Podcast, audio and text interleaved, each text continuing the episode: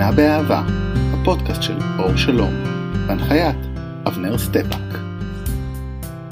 טוב, אה, אהלן יעל כהן, מה שלומך? אני בסדר. תודה שבאת אה, לחלוק איתנו את הסיפור שלך. אה, אנחנו במסע לכל עולם האומנה ועושים כמה פרקים, גם בפודקאסט, גם בזום, ושאנשים יוכלו לראות את זה ולהבין מה זה בעצם אומנה מכל האספקטים של האנשים שהיו ילדי אומנה, אנשים שמשפחות אומנה, עובדים שעוסקים בתחום מנחות אומנה.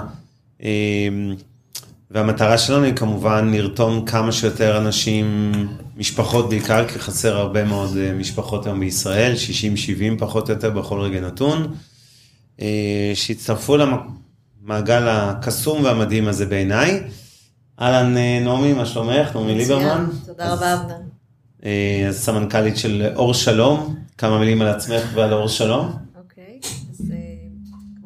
אז שלום אבנר, ותודה שהזמנת אותנו. שמי נעמי ליברמן, אני סמנכ"לית קשרי חוץ באור שלום. חמש שנים בארגון, ארגון שקיים כבר 40 שנה, ושהוא בעצם הארגון הכי גדול והכי ותיק בארץ שמטפלים, מטפל בילדים שהוצאו מהבית. כשאנחנו מדברים על ילדים שחוו הזנחה, התעללות, חוסר מסוגלות הורית, תנאים מאוד מאוד מאוד קשים. כשמדינת ישראל בעצם מחליטה בצו בית משפט או בהמלצה של עובדת סוציאלית להוציא ילדים כאלה מהבית, בעצם אור שלום אה, מקבלת את המנדט לטפל בהם. זה לא החלטה שלנו את מי להוציא ומתי, אבל אנחנו כן מקבלים את הטלפון ביום שאחרי. ואנחנו בעצם מאמינים בטיפול בילדים במסגרות קטנות, אינטימיות, משפחתיות. אנחנו מאמינים במשפחה. בדיוק. בארץ קיימים בגדול שני מודלים עיקריים, המודלים היותר קטנים ואינטימיים, והמודלים של הפנימיות, שהם איזושהי מורשת היסטורית מימי אה, העליות למיניהן וקיבוצים וכפרי הנוער וכולי. אה, אנחנו מאמינים שילד שגדל בלי בית או בבית אה, לא מיטיב, צריך משפחה וצריך בית לתיקון, לחוויה מתקנת, כדי שהוא עצמו יוכל לקטוע את מעגל האלימות וההזנחה, ובעצם לגדל משפחה של עצמו, משפחה מיטיבה, להיות אזרח נורמטיבי, תורם למדינה, זה מה שבאנו לעשות.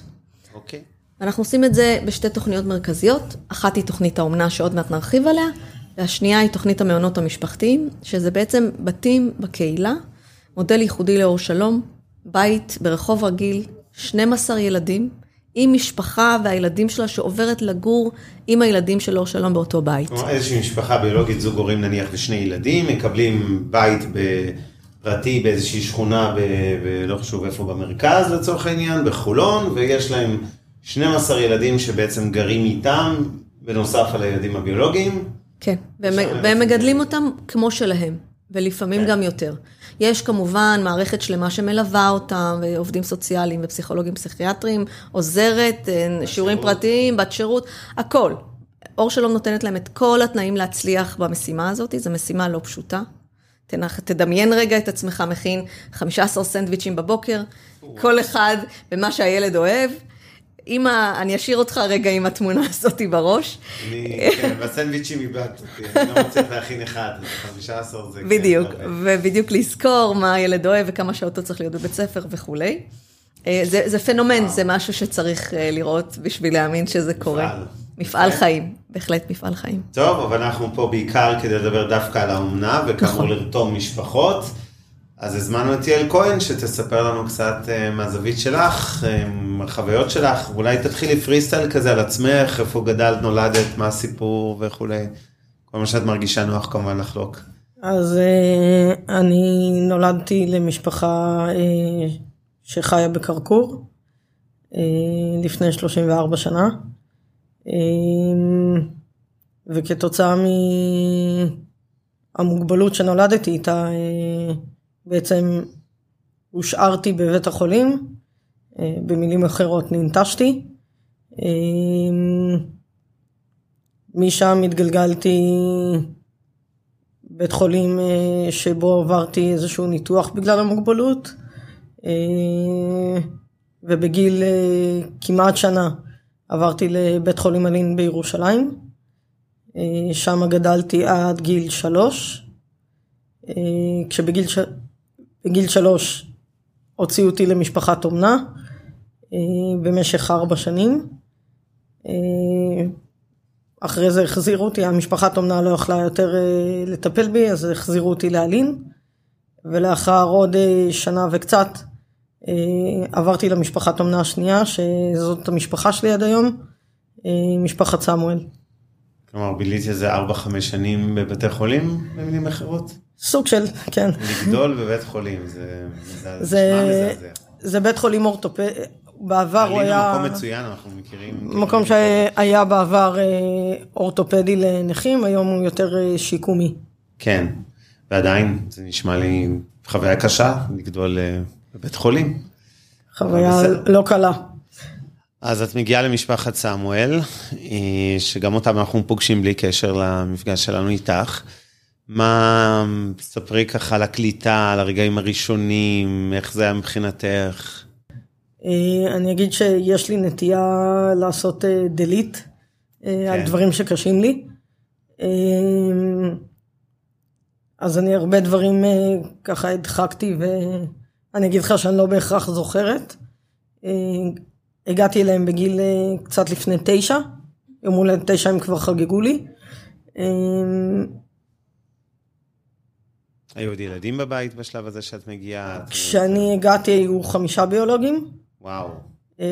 לאחר שנה וקצת נולדה ביולוגית השישית שלהם. ואת היית מבחינת גיל הקטנה כביכול חוץ לא לא לא אני מבחינת הגיל אה, יש שתיים מעליי. וארבע מתחתייך וואו. יפה ואמרת דלית אז אה, מה הדברים הראשונים שאת זוכרת כן מכל החוויה הזאת של האומנה אצל משפחת אה, סמואל? אני אגיד שכל פעם כשהיה לי איזשהו קושי. אני בן אדם נורא בכיין. אז כל פעם בכיתי. רגשן, לא אה, בכיין. לא, בכיין. אני מרשה לעצמי להגיד בכיין. טוב. והתעצבנתי ואמרתי להם אה, שאני רוצה לחזור להלין. עד שבאיזשהו שלב הם אמרו לי, הם לקחו אותי על הידיים גם בגיל עשר, כי הייתי נורא קטנה בגודל. אה, והם אמרו לי, אה, יעלי משפחה לא עוזבים. ובזה, כאילו... ואז הרגשת שאת נכנסת למשפחה? אני לא יכולה להגיד שהרגשתי עדיין שנכנסתי למשפחה, כי עד, אה, עד גיל מאוחר, ויכול להיות שגם היום בלי לשים לב, אני עוד בודקת גבולות. וזה נראה לי טבעי גם בגיל הזה עוד לבדוק אה, גבולות לפעמים. וגם טבעי לילדים ביולוגיים אגב, זה לא אה, קשור כן. לאומנה או לא אומנה. כן, כן, אבל אני חושבת שבאומנה זה עוד איזה, כאילו יש עוד איזה משהו ש, שגורם לך אה, לבדוק גבולות. ו... אה, אז נראה לי שאני אני, אני לא יודעת, כאילו, אני לא שמה לב לזה, אבל יכול להיות שגם היום אני... אה, יש לי קטעים שאני עוד בודקת אה, גבולות. אה,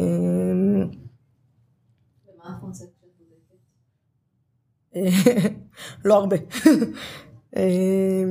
אני אגיד שהיום כבן אדם בוגר, שכבר נמצא עם המשפחה הזאת 20-21 שנה, אני כן מוצאת הרבה חום ואהבה. אה, אני אגיד שכאילו ככה כשדיברתי עם נעמי היא שאלה אותי אה, מה מותר לשאול ומה לא אז אני אספר את זה בעצמי אה, שלפני שבע שנים התחתנתי ולפני כמה חודשים התגרשתי אז קיבלתי את הליווי מהם בחתונה וקיבלתי את הליווי מהם גם בגירושים ואני בעצם מקבל את הליווי שלהם כל יום, כל שעה, גם אם אנחנו לא מדברים. יפה. אם נחזור קצת לילדות שלך אצלם, איך התאקלמת מבחינת האחים הביולוגיים? איך הרגשה? את מרגישה קצת, סליחה, סוג ב', לא בגלל מוגבלות, בגלל שאת אומנה והם מאותו דם, או ש... ואני לא מדבר על החודשים הראשונים של קליטה, אם תסתכל בגיל 12 שלך, את כבר שלוש שנים עם משפחה, מרגישים שאת חלק מהם, או כל הזמן מרגישים קצת אחרת? איך זה עובד?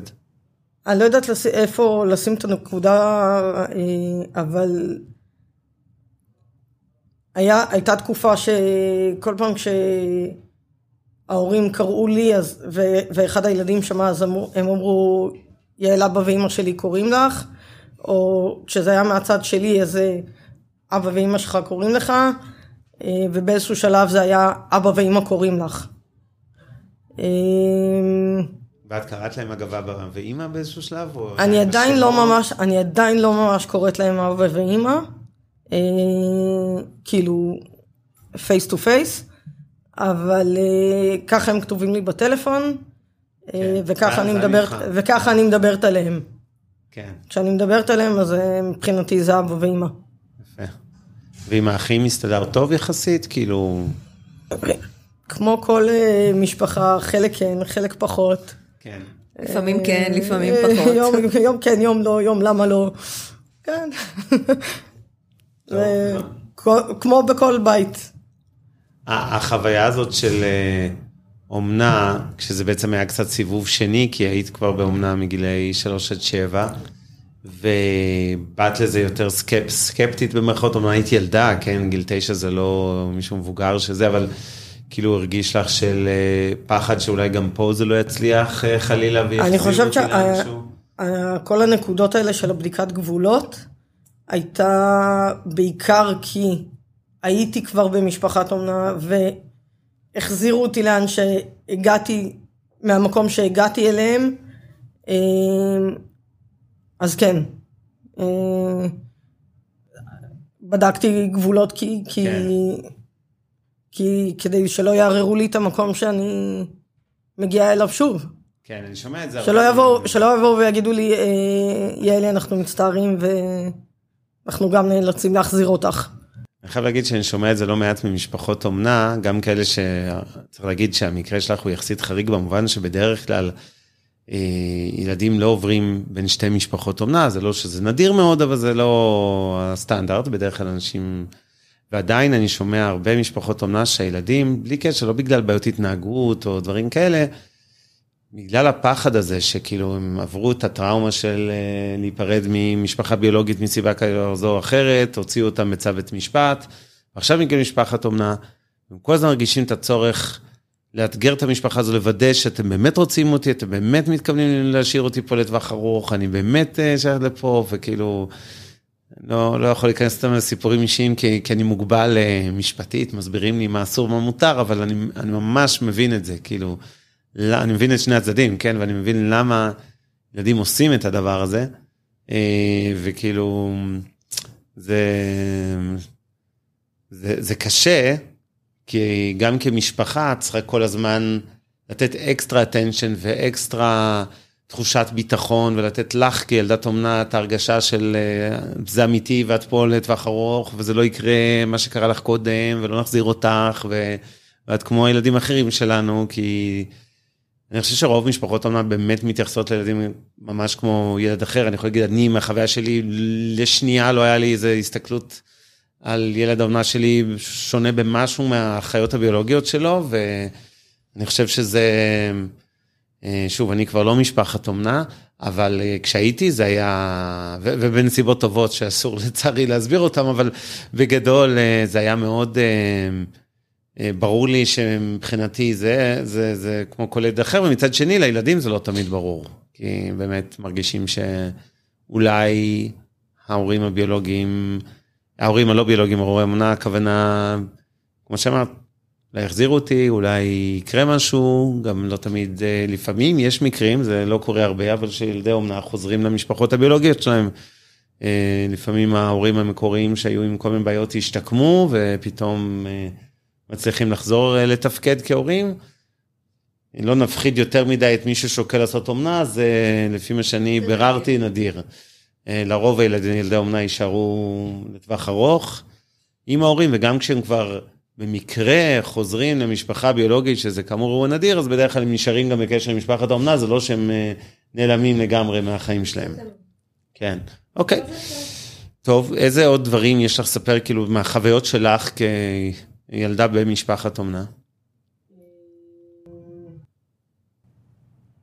לא יודעת, באיזשהו שלב זה כבר הפך להיות, אה, כאילו, כן מריבות של אחים. אה, שגרה רגילה של כן. משפחה נורמלית. אה, לגמרי. כן. אני יכולה להגיד שאחד הדברים שמבחינתי, אה, שוב, כבן אדם בוגר אני רואה את זה אחורנית, אה, שאני גם לא יודעת איך זה עם ילדי אומנה אחרים, אבל בחוויה האישית שלי, אה, לגדול במשפחת אומנה זה, זה... קיבלתי את הזכות לחיות מחדש. ממש אבל. הם חינכו אותי להיות בן אדם אה, עם זכויות, עם חובות, כמו כל בן אדם אחר. יפה. מה, מה קרה איתך אחרי זה? הגעת לשנות ה-20, התחלה להיות עצמאית, מה, אה, מעבר למה שסיפרת כבר על החתונה וכולי, אבל מה... יצאתי מה... לשירות לאומי, כן. אה, הייתי בת שירות לאומי בשדרות. אה, לאחר השירות לאומי יצאתי ללימודים, מה למדת? אה, למדתי הדרכת חדר כושר. וואלה. לא מדריכת כושר, אה, לא סיימתי את הלימודים. אה, לקח לי כמה שנים להתבחבש עם זה, עד שהחלטתי שאני לא מסיימת. אה, ואחרי שנה של אה, הפסקה ומחשבות, הלכתי ללמוד אה, שפת הסימנים. וואו. כן. מה, איך הגעת לזה?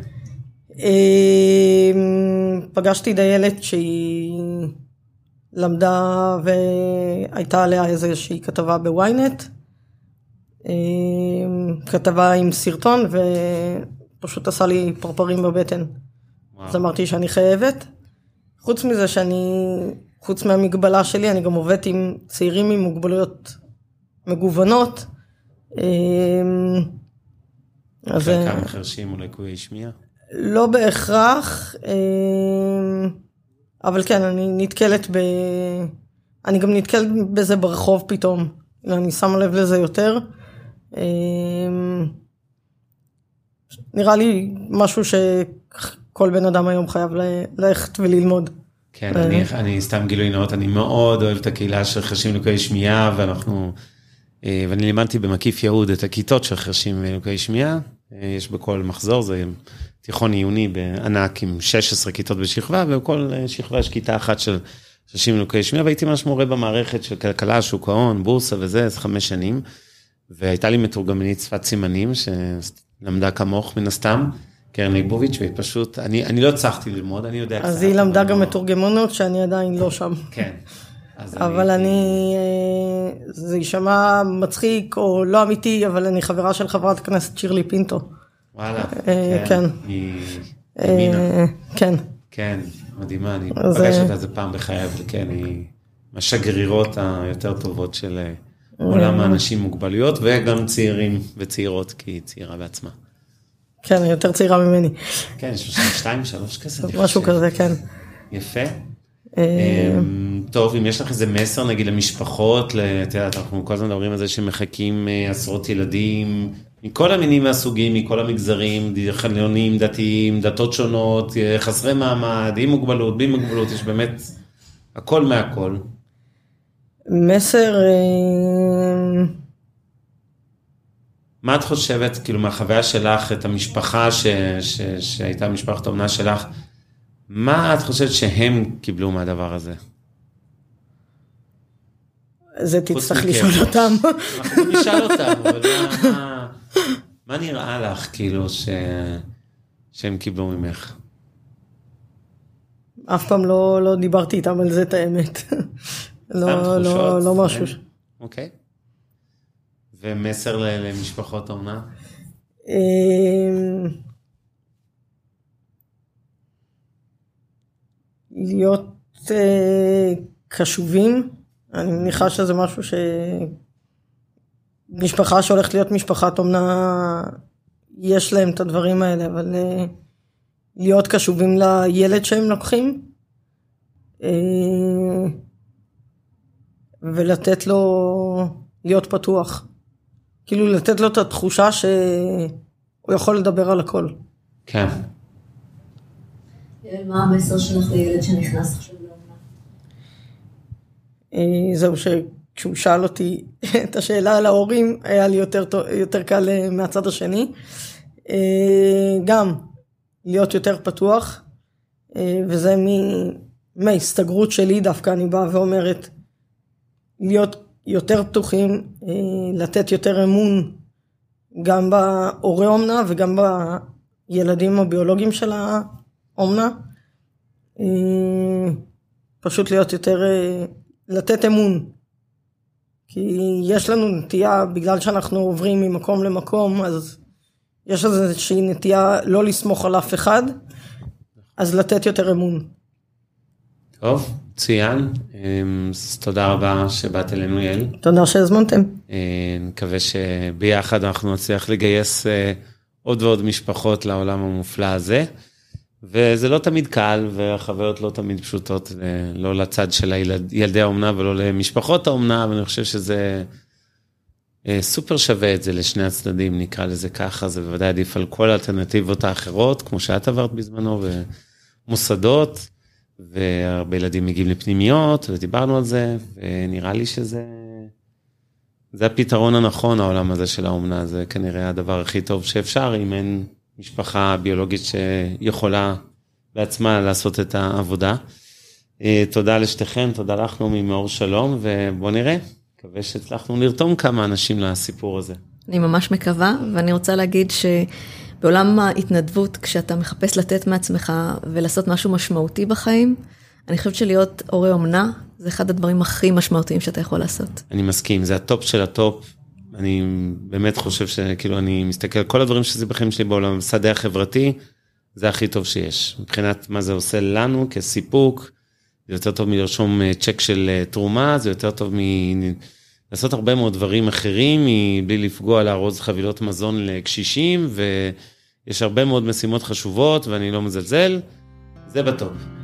אני אגיד מהנקודה שלי כ, כבוגרת אומנה היום, שלנו, לילדים של האומנה, זה מתנה לא פחות מלמשפחות אומנה. מסכים?